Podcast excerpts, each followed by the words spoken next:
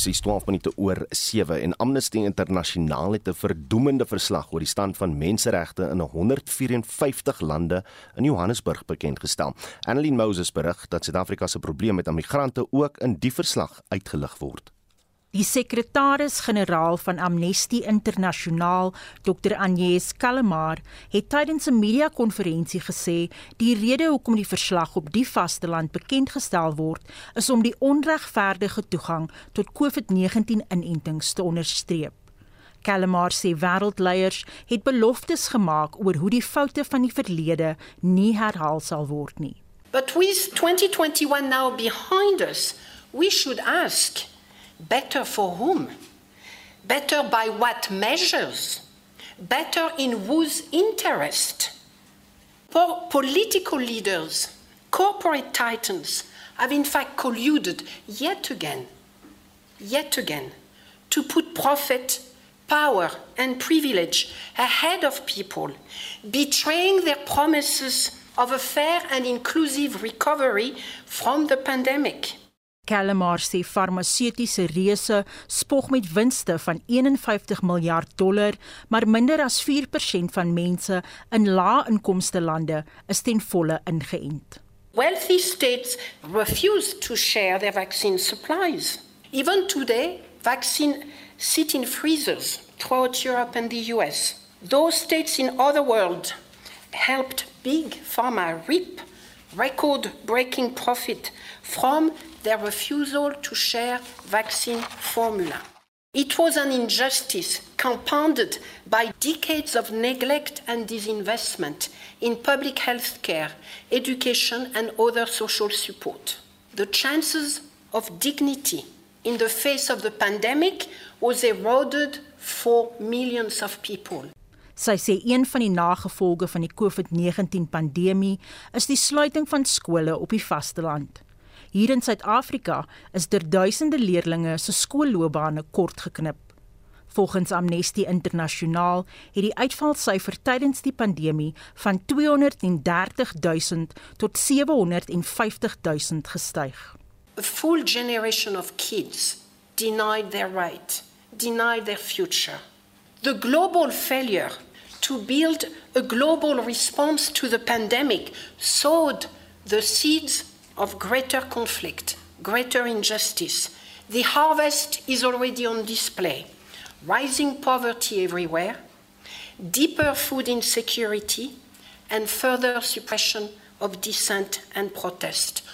All of that was planted in 2021 because of greed, because of selfishness, because of the incapacity of our leaders to imagine a different world.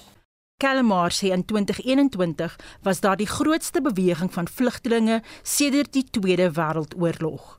Sy het 'n streemende aanval geloods op die Verenigde Nasies en gevra dat die veto-reg in gevalle waar menseregte skendings voorkom afgeskaf word. The UN Security Council frankly should be more aptly named the UN Insecurity Council. It failed time and time again to act adequately in the face of the military coup in Myanmar, in the face of the Taliban takeover of Afghanistan, in the face of the persistent conflict in Syria, in the face of Israel and OPT. It's shameful inaction, along with the continued paralysis of other multilateral bodies and the lack of accountability of powerful states over decades, I mean, it's not just a 2021 problem, helped pave the way for Russia's insolence, culminating in its violent invasion of Ukraine in flagrant violation of international law.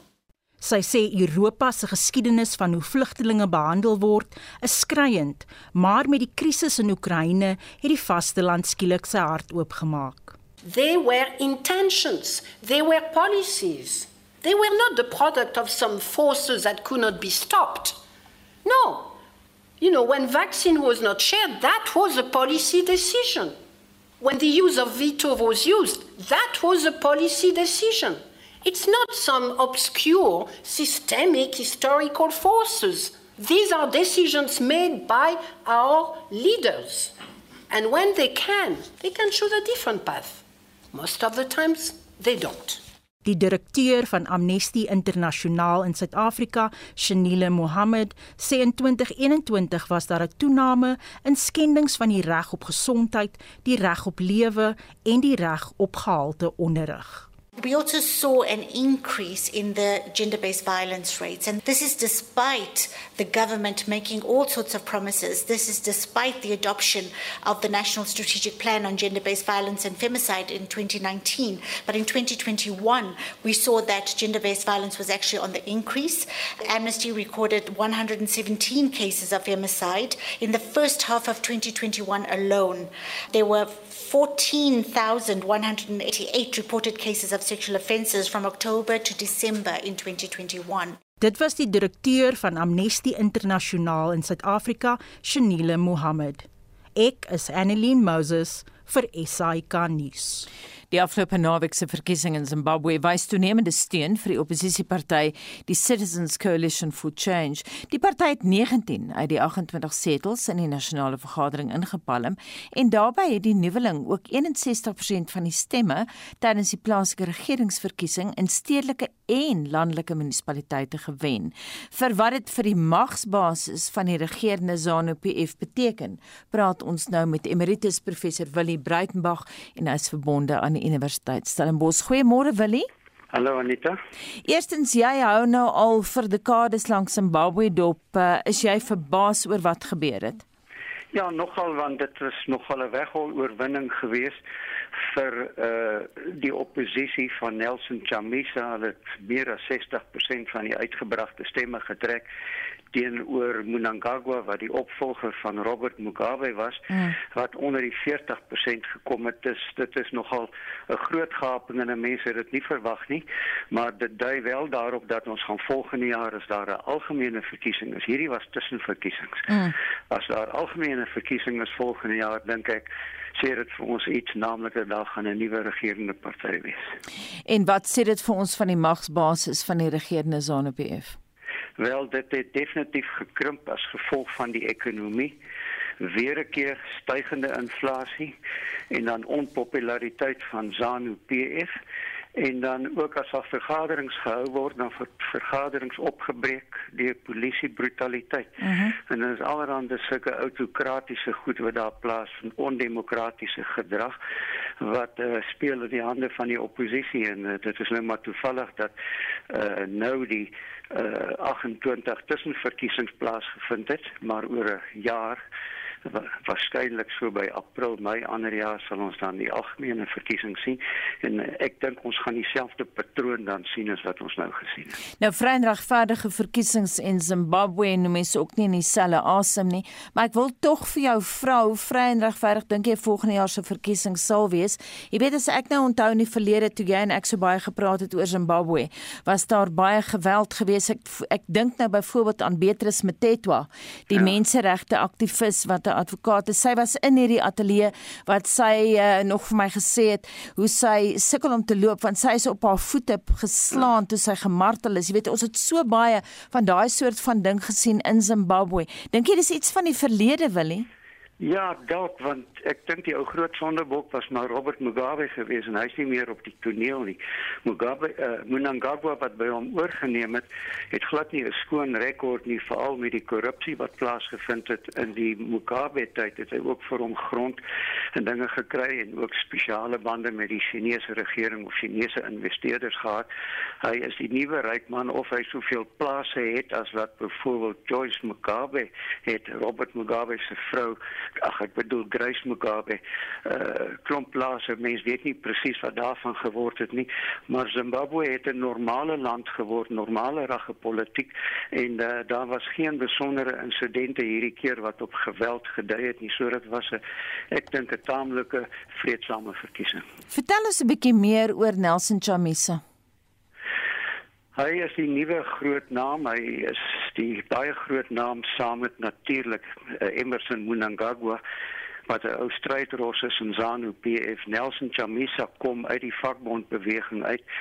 hy uh, soos die naam van sy organisasie waarvoor hy staan is die citizens um, citizens Confederation for Change dit is wat die die papier voor my staan. En dan is daar ook 'n Citizens Coalition for Change. En dan uh, die ander komponent daar is twee drie komponente is die Democratic Change Alliance. So twee woorde wat ons hierso sien is coalition en alliance. En ek dink Suid-Afrika moet hiervan kennis neem want uh, in ons verkiesings wat van ander jare af ook weer gaan begin plaasvind in hierdie land dink ek gaan ons ook meer van die woorde of van die konsepte koalisies en en alliansies hoor. Uh, dit is ook ons voorland en ons kan sien wat nou in Zimbabwe gebeur. Dit is dit is onvermydelik. Dan uh, moet ons nou maar sien hoe dit uitwerk.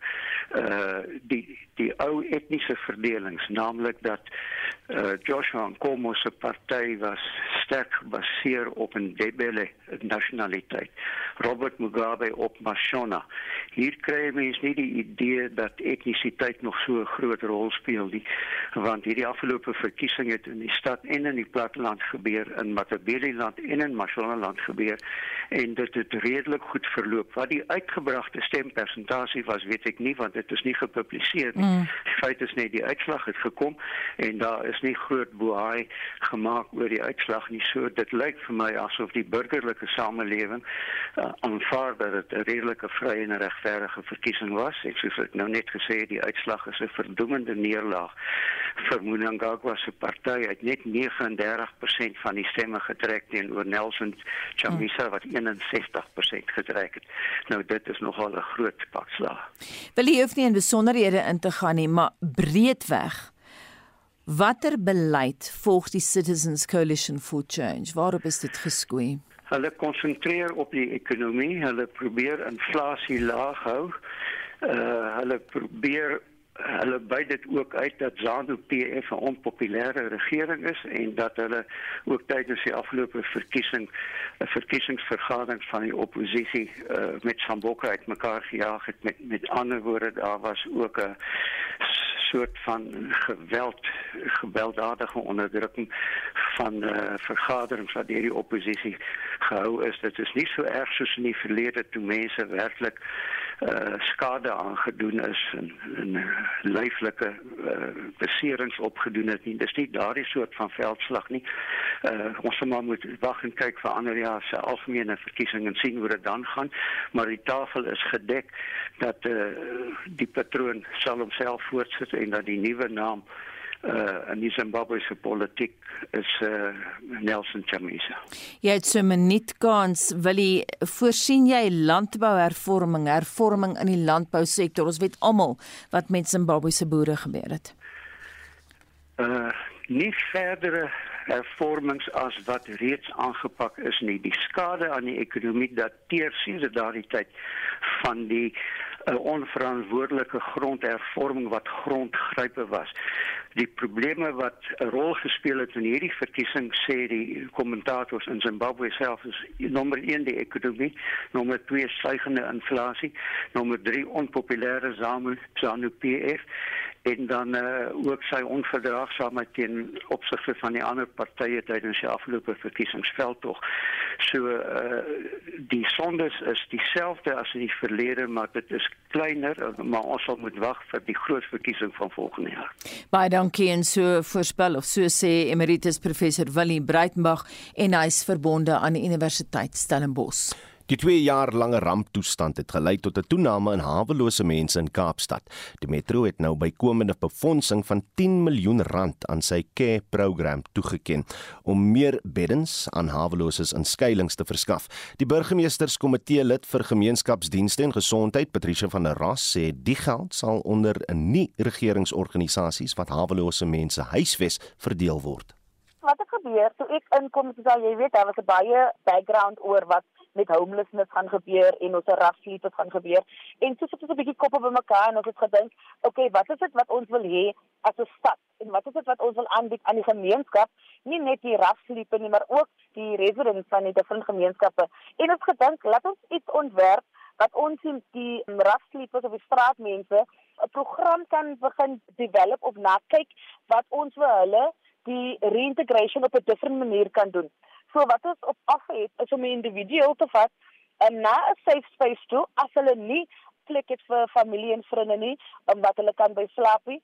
As hulle 'n diens so 'n plek het, dan sal ons een van ons social development officials sal dan saam met hulle gaan gesels het saam met hulle en vra so dinge soos hoekom is jy op die straat is dit die familie wat dit die rede of is dit 'n persoonlike rede en dan as hulle dan nie vir die persoon kan terugkry by die huis nie sal ons vir hulle 'n safe space plaas dat hulle ons ook development programme het vir hulle meaning dinge so strengthening families wanneer jy um, praat wanneer jy gemaklik voel om te praat wat dit is wat jou verhoed om te praat sulke dinge. En op dieselfde tyd wil ons hê die program moet so dignifying wees dat ons weet dat jy gaan jouself at the end of the day kan nie koop om ieder op jou eie te bly deur die program deur te leer hoe om te aanvaar die dinge om jou sonder om miskien om kwaad te raak of sonder om miskien weg te loop. Jy gaan nou begin weet wat 'n soorte different types of stress levels wat jy kan hanteer en dan daarvan aan af sal jy dan op jou eie voete kan staan of jy sal die ruggraat het as ek dit so kan sê om terug te gaan huis toe. Nou ek weet 'n begroting bly altyd 'n groot probleem. Praat met ons oor julle begroting en hoe julle dit gaan aanwend. Wat ons gedoen het, ons het ons budget gerealign om seker te maak ons met die model kan voortgaan. Ons het ook gevat dat ons kan ons budget gebruik om additional bed spaces te hê. So dit is nie net ons wat 'n safe space create nie, maar ook by different shelters in die areas wat ons 'n straat of 'n rough sleeper gemaklik is. For example, as ons 'n rough sleeper in die retreat area is, dan nader ons die haven en ons vra vir hulle om deur die grant and aid application te maak sodat ons kan ekstra beddens hê vir hulle. So ons het so die budget gerealign en ons het ook gedink aan different maniere om die persoon homself te strengthen. So ons het vir die different NGOs gevra of hulle nuwe programme kan ontwerp met nuwe idees, nuwe maniere hoe om die straatslapper dan te nader. Nou um, daar is nou kommer ook oor wat onlangs bietjie gebeur het daar in Kaapstad gedurende Covid waar die daklose mense in Strandfontein as ek daai voorbeeld kan gebruik in 'n tipe van 'n konsentrasiekamp styl daar gehuisves was en nie toegelaat was om uit die kamp uit te gaan gaan hierdie ook dieselfde situasie wees? Is hulle vry om te doen wat hulle wil doen of gaan dit ook dieselfde situasie wees? Laat ek net sê dat ons nou begin of the back dat ek was nog nie betrokke destyds gewees nie daar was ander leiers wat in beplanning was van dit. En die woord konsentrasiekamp het 'n different bedoeling vir my as vir jou. Maar ek dink aan konsentrasiekamp dink ek nie ons was 'n konsentrasiekamp maar ek het meer gedink aan die emergency accommodation wat ongelukkig deur covid vir ons laat op 'n manier gedoen het. Maar that being said wil ek nou nie daaroor dwaal nie. Wat soos ek sê ons safe spaces wat ons nou het kan dit is die safe spaces wat hulle die availability het they, they leave during the day hulle kom terug van um hierdie dag is word die um programme geoffer. So hulle kan maak en doen um wat hulle wil wat daar is altyd jy weet die protokol die jy weet as jy inkom dan dan doen ons 'n bietjie van 'n toetsie om te kyk of jy nou miskien substance abuse het dan weet ons kan met jou werk op substance abuse of jy af en substance abuse te kry for example. En as jy nou regtig uit wil gaan deur die dag dan baie daar's 'n woord wat ons gebruik ek weet jy wil dit gebruik nie maar daar's 'n woord wat ons gebruik wat wat ons ons mense so 'n bietjie wil skarrel in die ronde. So jy hulle kry die opportunity om 'n bietjie te skarrel in die ronde maar daar is 'n tyd vir inkom en daar's 'n tyd vir uitgaan En dit was Patricia van der Ras, die burgemeesterskomitee lid vir gemeenskapsdienste en gesondheid wat met Winsin Mofokeng gepraat het oor geskarrelry. Jy luister na Monitor elke weekoggend tussen 6 en 8. 37 hoofnuus op monitor Oekraïne sê sy hoofdoel by vandag se samesprekings in Istanbul is om 'n skietstilstand te probeer bewerkstellig. 'n Ysbank wat effens kleiner as Johannesburg is, breek van Antarktika af. En ons Saterdagprogram Naweek Aktueel trek 'n nuwe baadjie aan. En ek wil dit vir u baie duidelik stel dat ek op hierdie stadium vir u baie duidelik kan sê dat daar geen rede is om aan te neem dat Suid-Afrika se olievoorraad hoegenaamd afgesny sal word.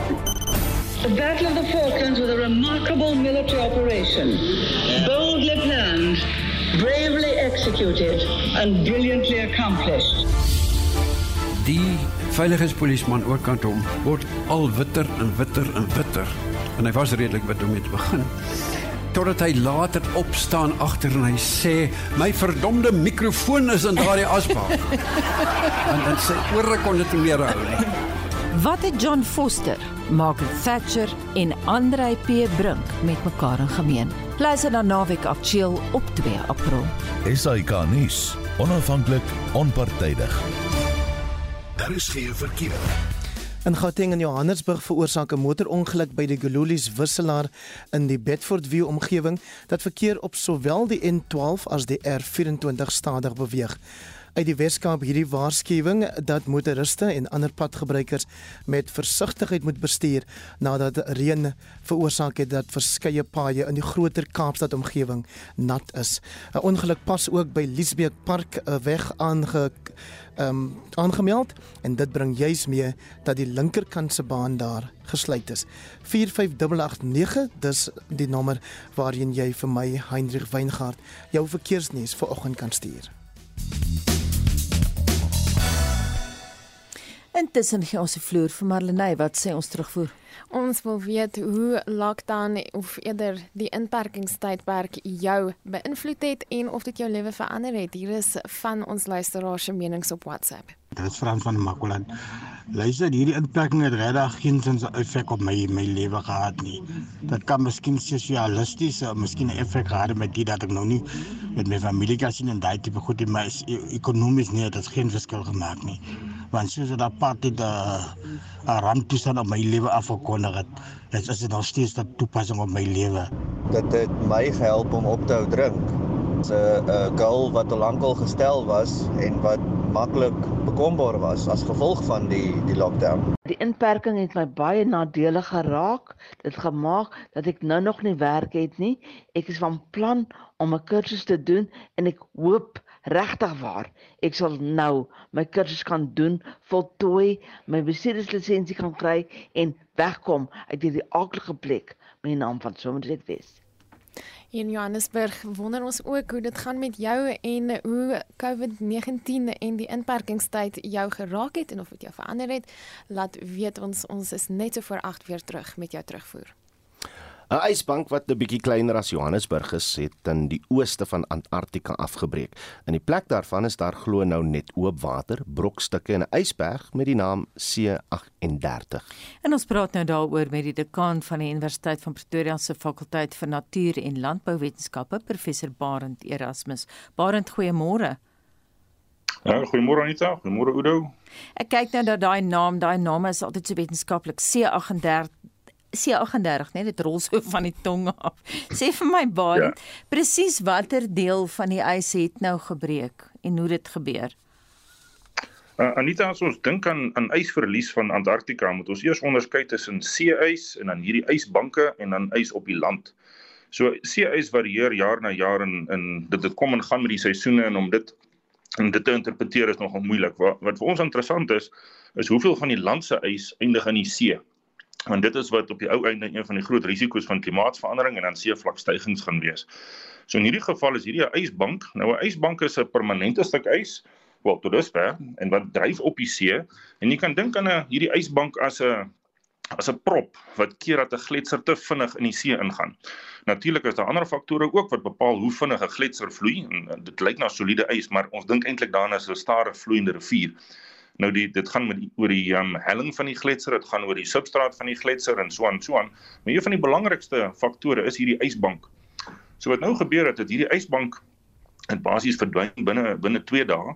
Dis 'n ysbank wat sedert die begin 2000 stadige klein veranderingkies getoon het en begin 2020 bietjie groter veranderinge en nou ewe skielik binne 'n tyd van 2-3 dae heeltemal verdwyn het. So so nou kan ons dink dat dit hierdie is al die prop van 'n gletser wat nou of die een van die hooffaktore wat keer dat 'n gletser baie vinnig in die see eindig, um, is nou weggevat. En die en die interessante studie wat nou nou hierop moet volg, is baie meer gedetailleerde waarnemings om uit te vind wat gebeur nou met hierdie gletser nou dat hierdie hierdie ysbank prop, as ek in aanhalingstekens nou nou verdwyn het. Verduidelik net aan die luisteraars hoe hoe word die ys gemonitor? Ehm um, Oudo die die um, ons het 'n ongelooflike ehm um, wêreldwye satellietobservasiestelsel vir 'n verskeidenheid goeders wat in ons op land en op see gebeur. So daar's die heeltyd nie 'n kommunikasie satelliet nie en die weet ons natuurlik van elke kant as jy TV kyk, maak jy gebruik van sulke satelliete. Maar dit is satelliete wat letterlik daagliks elke sentimeter en elke vierkante kilometer van die wêreld observeer. Party van hulle kyk na plante groei, party van hulle kyk na temperatuur, party van hulle kyk na na ehm um, na na see strome en see temperatuur en so uit die so word die die hele wêreld gemonitor en ons wetenskaplikes wat dan kyk en sê wel waar gebeur die groot verandering? Dis natuurlik nou wetenskaplikes wat gemoeid is met klimaatsverandering en omgewingsverandering. Mm. en in die oomblik as daar dan so groot verandering kom soos ons nou sien 'n ysbank wat verdwyn dan is daar nou 'n opvolgstudies om nou presies vas te stel hoekom dit gebeur het wat die gevolge gaan wees en en so aan En dink jy Barend is uh, Antarktika se ys nou besig om vinniger te smelt as wat julle as wetenskaplikes verwag het? En net aan die wanneer ons dink aan Antarktika, is daar is dit is een deel van Antarktika, die sogenaamde Wes-Antarktika in die Antarktiese skiereiland. Skus tog weet ons is besig om baie vinnig te smelt. En dit is die die hoofbron van kommer op hierdie stadium en die en die korttermyn impak op seevlak wat ons reeds sien kom van gesmelte gletsers in die westelike deel van Antarktika. Die oostelike deel van Antarktika word gesien as die grootste hoeveelheid ys. Ehm um, daar is dele van Oos-Antarktika waar die ys eintlik nog vermeerder en tot dusver was al die gletsers in Oos-Antarktika baie stabiel geweest. Hierdie spesifieke gletser en die geassosieerde ysbank is een in Oos-Antarktika. So dis nou nog verdere rede tot kommer want ons het nou dit is nou in 'n in 'n streek wat wat geag is as baie stabiel en wat nog baie lank sal neem voor daar voor daar ehm um, uh, baie baie yswater en smelt gebeur. So ewe skielik het ons nou so 'n uh, noem dit maar 'n rooi lig, 'n rooi vlaggie wat opgaan en sê alles is nie pluis nie, want ons gedink het ehm um, die ys is besig om stabiel, stabiel en besig om aan te samel en min effek van klimaatsverandering. Hier is nou 'n groot impak en uh, verdere studies is nou verder nodig om uit te vind presies wat daar gebeur het. Waarin sien ek 'n verandering in die aard van die vasteland uh, in terme van die fauna, die flora en so voorts reeds bespeer word? Ja, so hierdie soos jy soos jy gesê het, hierdie is 'n regte klein stukkie ys op sy eie. Ehm um, maar selfs so 'n klein stukkie ys kan 'n groot impak hê op nabygeleë ehm um, nabygeleë fauna en flora. Maar nie soveel flora in Antarktika nie, meeste die diere. So byvoorbeeld as jy 'n uh, wynkolonie het wat nou ewe skielik 'n groot um, ysberg het wat maak dat hy nie meer 2 km nie, maar dalk 30 km moet moet see toe loop. Of as mense 'n uh, walvisse het wat afhanklik is van plankton, as hierdie plankton of krul nou ewe skielik toegemaak word deur 'n deur 'n ysberg dan is die groei onder daai ysberg is baie minder want daar is dan nie meer meer lig wat inkom nie. So dit affekteer dan daai plaaslike ehm um, uh, ekosisteme redelik geweldig. Dit die grootte van die ysberg maak saak. So baie groot ysberge sal natuurlik nou baie groter impak hê. Ehm um, alhoewel ons nou sê hierdie een is nie so groot relatief tot die ander ysberge en ander ysbanke wat uh, gedisintegreer het nie. As jy Pokkewyne is, is Johannesburg nogal groot. Hmm. Jy het nou nou gesê dat binne net 2 dae het hierdie ys onder die see verdwyn. Jy het ook gesê julle wetenskaplikes gaan nou opvolgstudies doen om te kyk wat is die pad vorentoe, maar julle sal vinnig moet speel. Mense sal, want op op hierdie stadium is hierdie ysbanke is nou in stukkies, hy dryf nou daar rond is een of twee groter ysberge en in stukkies in oop see en baie vinnig aan die plaaslike seestroom hierdie goed nou verder weg vervoer en natuurlik gaan hulle nou nou smelt en verdwyn. Maar gelukkig is daar is daar baie goeie um uh, observasies op verskillende dele van die Antarktiese uh, kontinent as um heelwat um navorsingsstasies wat permanent hierdie jaar lank uh, data genereer.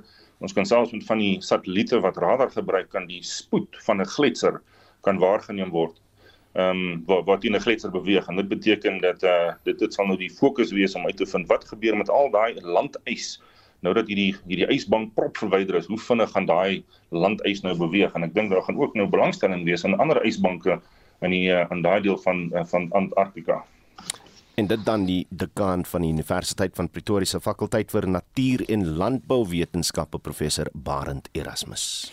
Afgevaardigdes van Rusland en Oekraïne het in Istanbul aangekom vir die eerste van aangesig tot aangesig samesprekings in meer as 2 weke en ST het vir ons al die agtergrond daar. ST ons het vroeër vanoggend verwys na samesprekings en weer eens oor die oorlog gepraat nie effek op die mense van Oekraïne.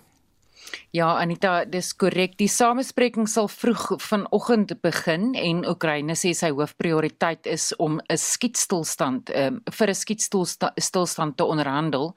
Nou Oekraïne se minister van buitelandse sake, Dmytro Kuleba, het in 'n boodskap wat op televisie uitgesaai is gesê Oekraïne sal nie sy mense, land of soewereiniteit opoffer nie.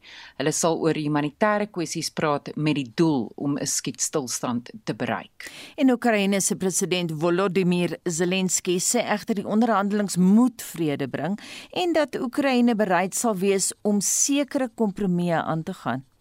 Ja, hy het opmerkings aan joernaliste van Rusland gemaak oor kompromieë wat moontlik bereik kon word oor Oekraïense neutraliteit en grondgebied. I understand. It's impossible to force Russia completely from the Ukrainian territory. It would lead to the Third World War. I understand it, and that is why I'm talking about a compromise.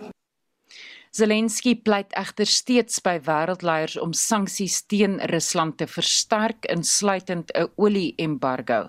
Hy sê hy beplan ook om die week met die parlement uh, parlementsleiers van verskeie lande te praat om by hulle te pleit om meer wapens aan Oekraïne te verskaf.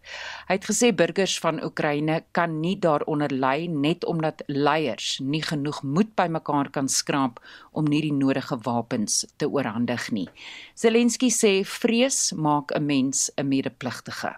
En dan volgens berigte baie interessante berigte het die Russiese miljardêr Roman Abramovich na bewering vroeër van dese maand simptome van vergiftiging by vredesonderhandelings ervaar. Anita, daar's nie baie inligting hieroor beskikbaar nie, maar daar word berig dat Abramovich nou van die simptome herstel het. Maar interessant, eh, daar word ook berig dat twee vredesonderhandelaars van Oekraïne na bewering dieselfde simptome ervaar het.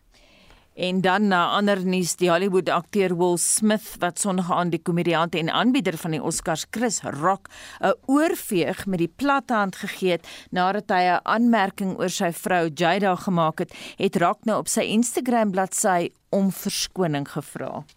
Ja, nou die wêreld het gister gegons oor 'n Smith wat op die verhoog gestap het en rakke klap deur die gesig gegee het nadat hy 'n indirekte beledigende aanmerking oor 'n Pinkett Smith se outoimmuunsiekte alopecia gemaak het. Nou Smith is daarna as die beste akteur aangewys en het om verskoning gevra aan die akademie en sy mede-benoemdes vir sy gedrag, maar nie aan Rock nie. Nou hy het nou op sy Instagram bladsy aan Rock om verskoning gevra en gesê sy gedrag was onaanvaarbaar, onverskoonbaar en dat hy dit berou. Hier is die BBC se David Willis uit Los Angeles. He says that violence in all of its forms is poisonous and destructive. My behavior at last night's Academy Awards was unacceptable and inexcusable. Now, in that speech, he blamed his actions in part on his love for his wife and the pressures of fame. And he then went on to dance the night away, behaving almost as if nothing had happened. And he must have woken up this morning to sense the collective uh, feeling of disbelief and shock here over that very violent and very public assault in front of a worldwide audience. Die akademie ondersoek Will Smith se gedrag. En nou verskuif ons die fokus van Los Angeles na Londen, waar die eerste boetes vir die oortreding van COVID-19 inperkingsmaatreëls binnekort opgelê gaan word. Die boetes maak deel uit van die polisie se ondersoek na 12 regeringspartytjies wat tydens die COVID-19 inperkingstydperk gehou is en die BBC berig die polisie sal aanvanklik 15 boetes oplê. Die Britse eerste minister Boris Johnson is deur verskeie parlementslede daarvan beskuldig dat hy die partytjies bygewoon het terwyl streng COVID-19 inperkingsmaatreëls by einkomste verbied het en hulle daarop aangedring dat hy moet bedank. Nou sommige van die parlementslede het intussen hulle siening hieroor verander sedert die oorlog in Oekraïne uitgebreek het. En dit was Estie met 'n oorsig van wêreldnuus gebeure.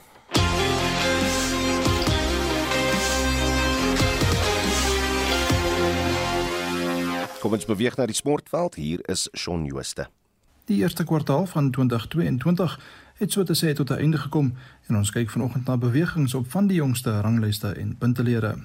Na nog 'n opwindende wedren van die 2022 Formule 1 seisoen behou die Ferrari renjaer Charles Leclerc van Monaco sy voorsprong en staan op 45 punte na twee rondes.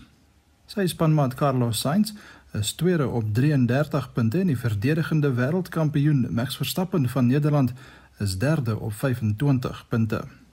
Ferrari rek ook hul voorsprong op die vervaardigerspunteleer en het nou 78 punte agter hul naam. Mercedes is tweede op 38 en Red Bull derde op 37 punte.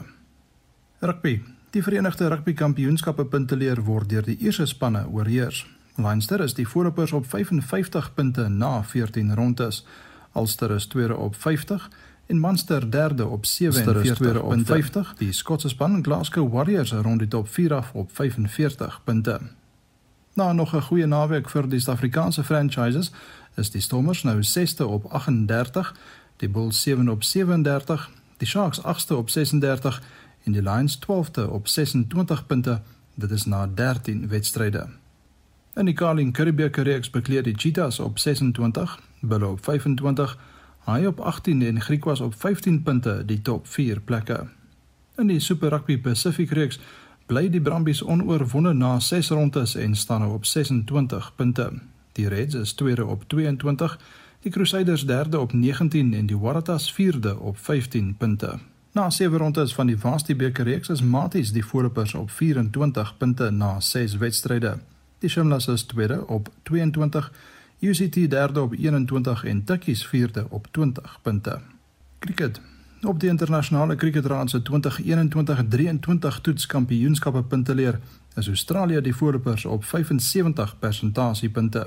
Suid-Afrika is nou tweede op 60, Indië derde op 58 en Pakistan vierde op 52 persentasiepunte. Ons herinner graag dat die eerste van twee toetse tussen Suid-Afrika en Bangladesh donderdag op Kingsmead in Durban begin.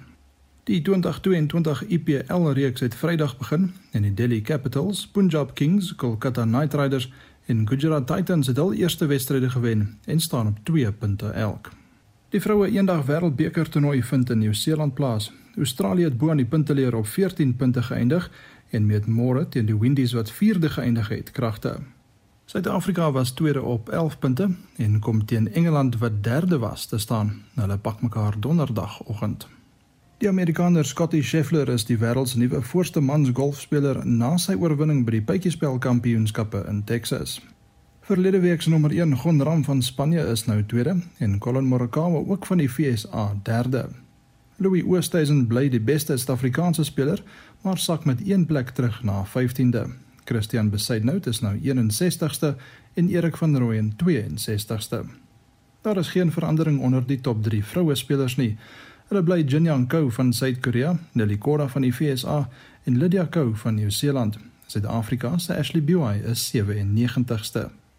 En laastens in tennisnuus, die Suid-Afrikaner Lloyd Harris het na die laaste 16 ronde by die Miami Masters toernooi deurgedring nadat hy die Japanees Yoshihito Nishioka gisterand met 7-6, 4-6 en 7-5 geklop het.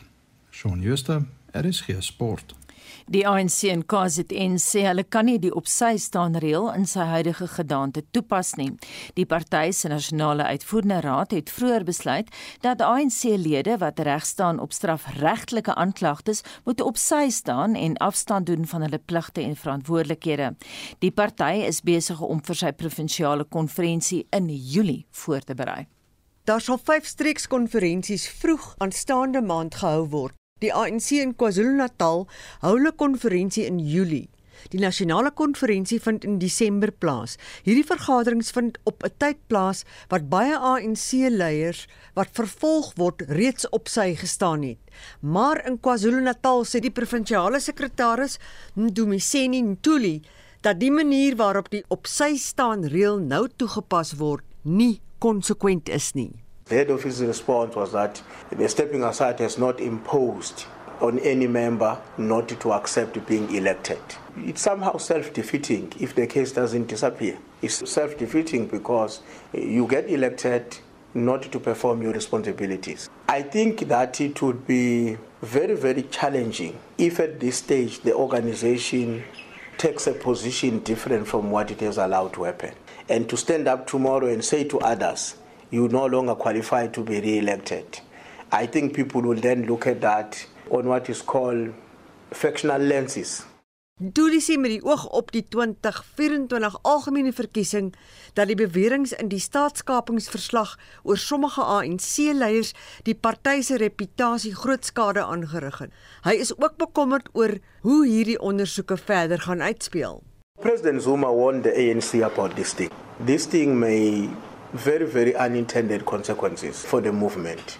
And of course, the organization decided against that warning and said that we want to proceed. Given the fact that the ANC is the one that runs government, it was inevitable that whatever the State Capture Commission uncovers will have a negative impact on the African National Congress. The campaign of our opponents over the past two elections has been that the ANC is corrupt, the ANC caused many problems to our country. And I think that campaign, to a certain extent, has found traction. We are proceeding now. The next elections are going to be in 2024. It's perfectly clear to me that given what the Commission has said and the work that still has to be done by other law enforcement agencies, this will still be the what is used by the opponents of the ANC to justify why the ANC must not be supported. 'n Politieke ontleder, professor Bekkie Mngomezulu, waarsku dat as die op sy staande resolusie nou gewysig word, om te verhoed dat lede wat ondersoek word aan verkiesings deelneem, dat die ANC nog verder kan verdeel. So that will be uh, inconsistent and it will, it will definitely divide the party even further. If you look at the way this step aside resolution was coined in 2017, I think the leaders of the ANC did not foresee a situation whereby you would find that uh, some people are implicated in a wrongdoing, but then there is a possibility that they might be cleared before the elective consent. But to stop them at this point, I don't think it is a good idea. Dit was die politieke ontleder professor Bekkie wat hierdie bydrae van Woesie Makosini in Durban afgesluit het. Mitsi van der Merwe, SAK-nuus. 7:53. So daar bly so 7 minute oor in die program, 'n baie belangrike 7 minute want dit is en laat ek net my mikrofoon so 'n bietjie skuif van die luisteraar sal nou nie weet dat as ons uh, ek en Anita nou in die oggend uitsaai hier dat, dat sit ons eintlik skouer aan skouer. Ons, ons kyk nie eintlik vir mekaar terwyl uh, totdat die totdat die pakkies eintlik op lig speel dan kan ons 'n bietjie gesels hier mm. maar dis 'n belangrike laaste 7 minute van die program Anita Visser. Want is nou jou laaste 7 minute hier op monitor na 12 jaar van in hierdie stoel wees. Ja, ek dink vandag jy sê dis eintlik van van 2012 af wat ek aangebied, soos 10 jaar, maar dis nie die einde van my op Bergsgeen. ek gaan naweek aktueel aanbied.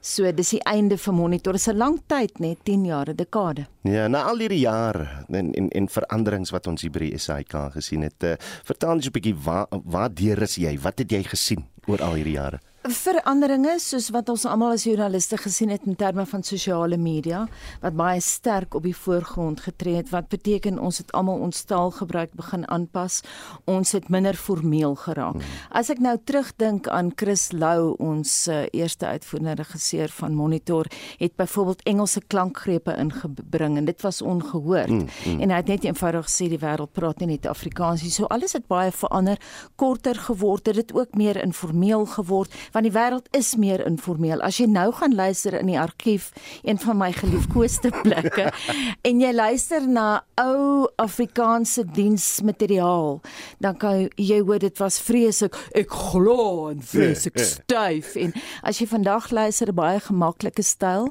maar oor die jare natuurlik baie kontak gehad met die luisteraars en meeste van hulle is baie vriendelik. Hulle dink jy is in die huis terwyl hulle stort en ontbyt maak, so hulle dink eintlik hulle ken jou wat hulle mm, natuurlik mm. nie doen nie.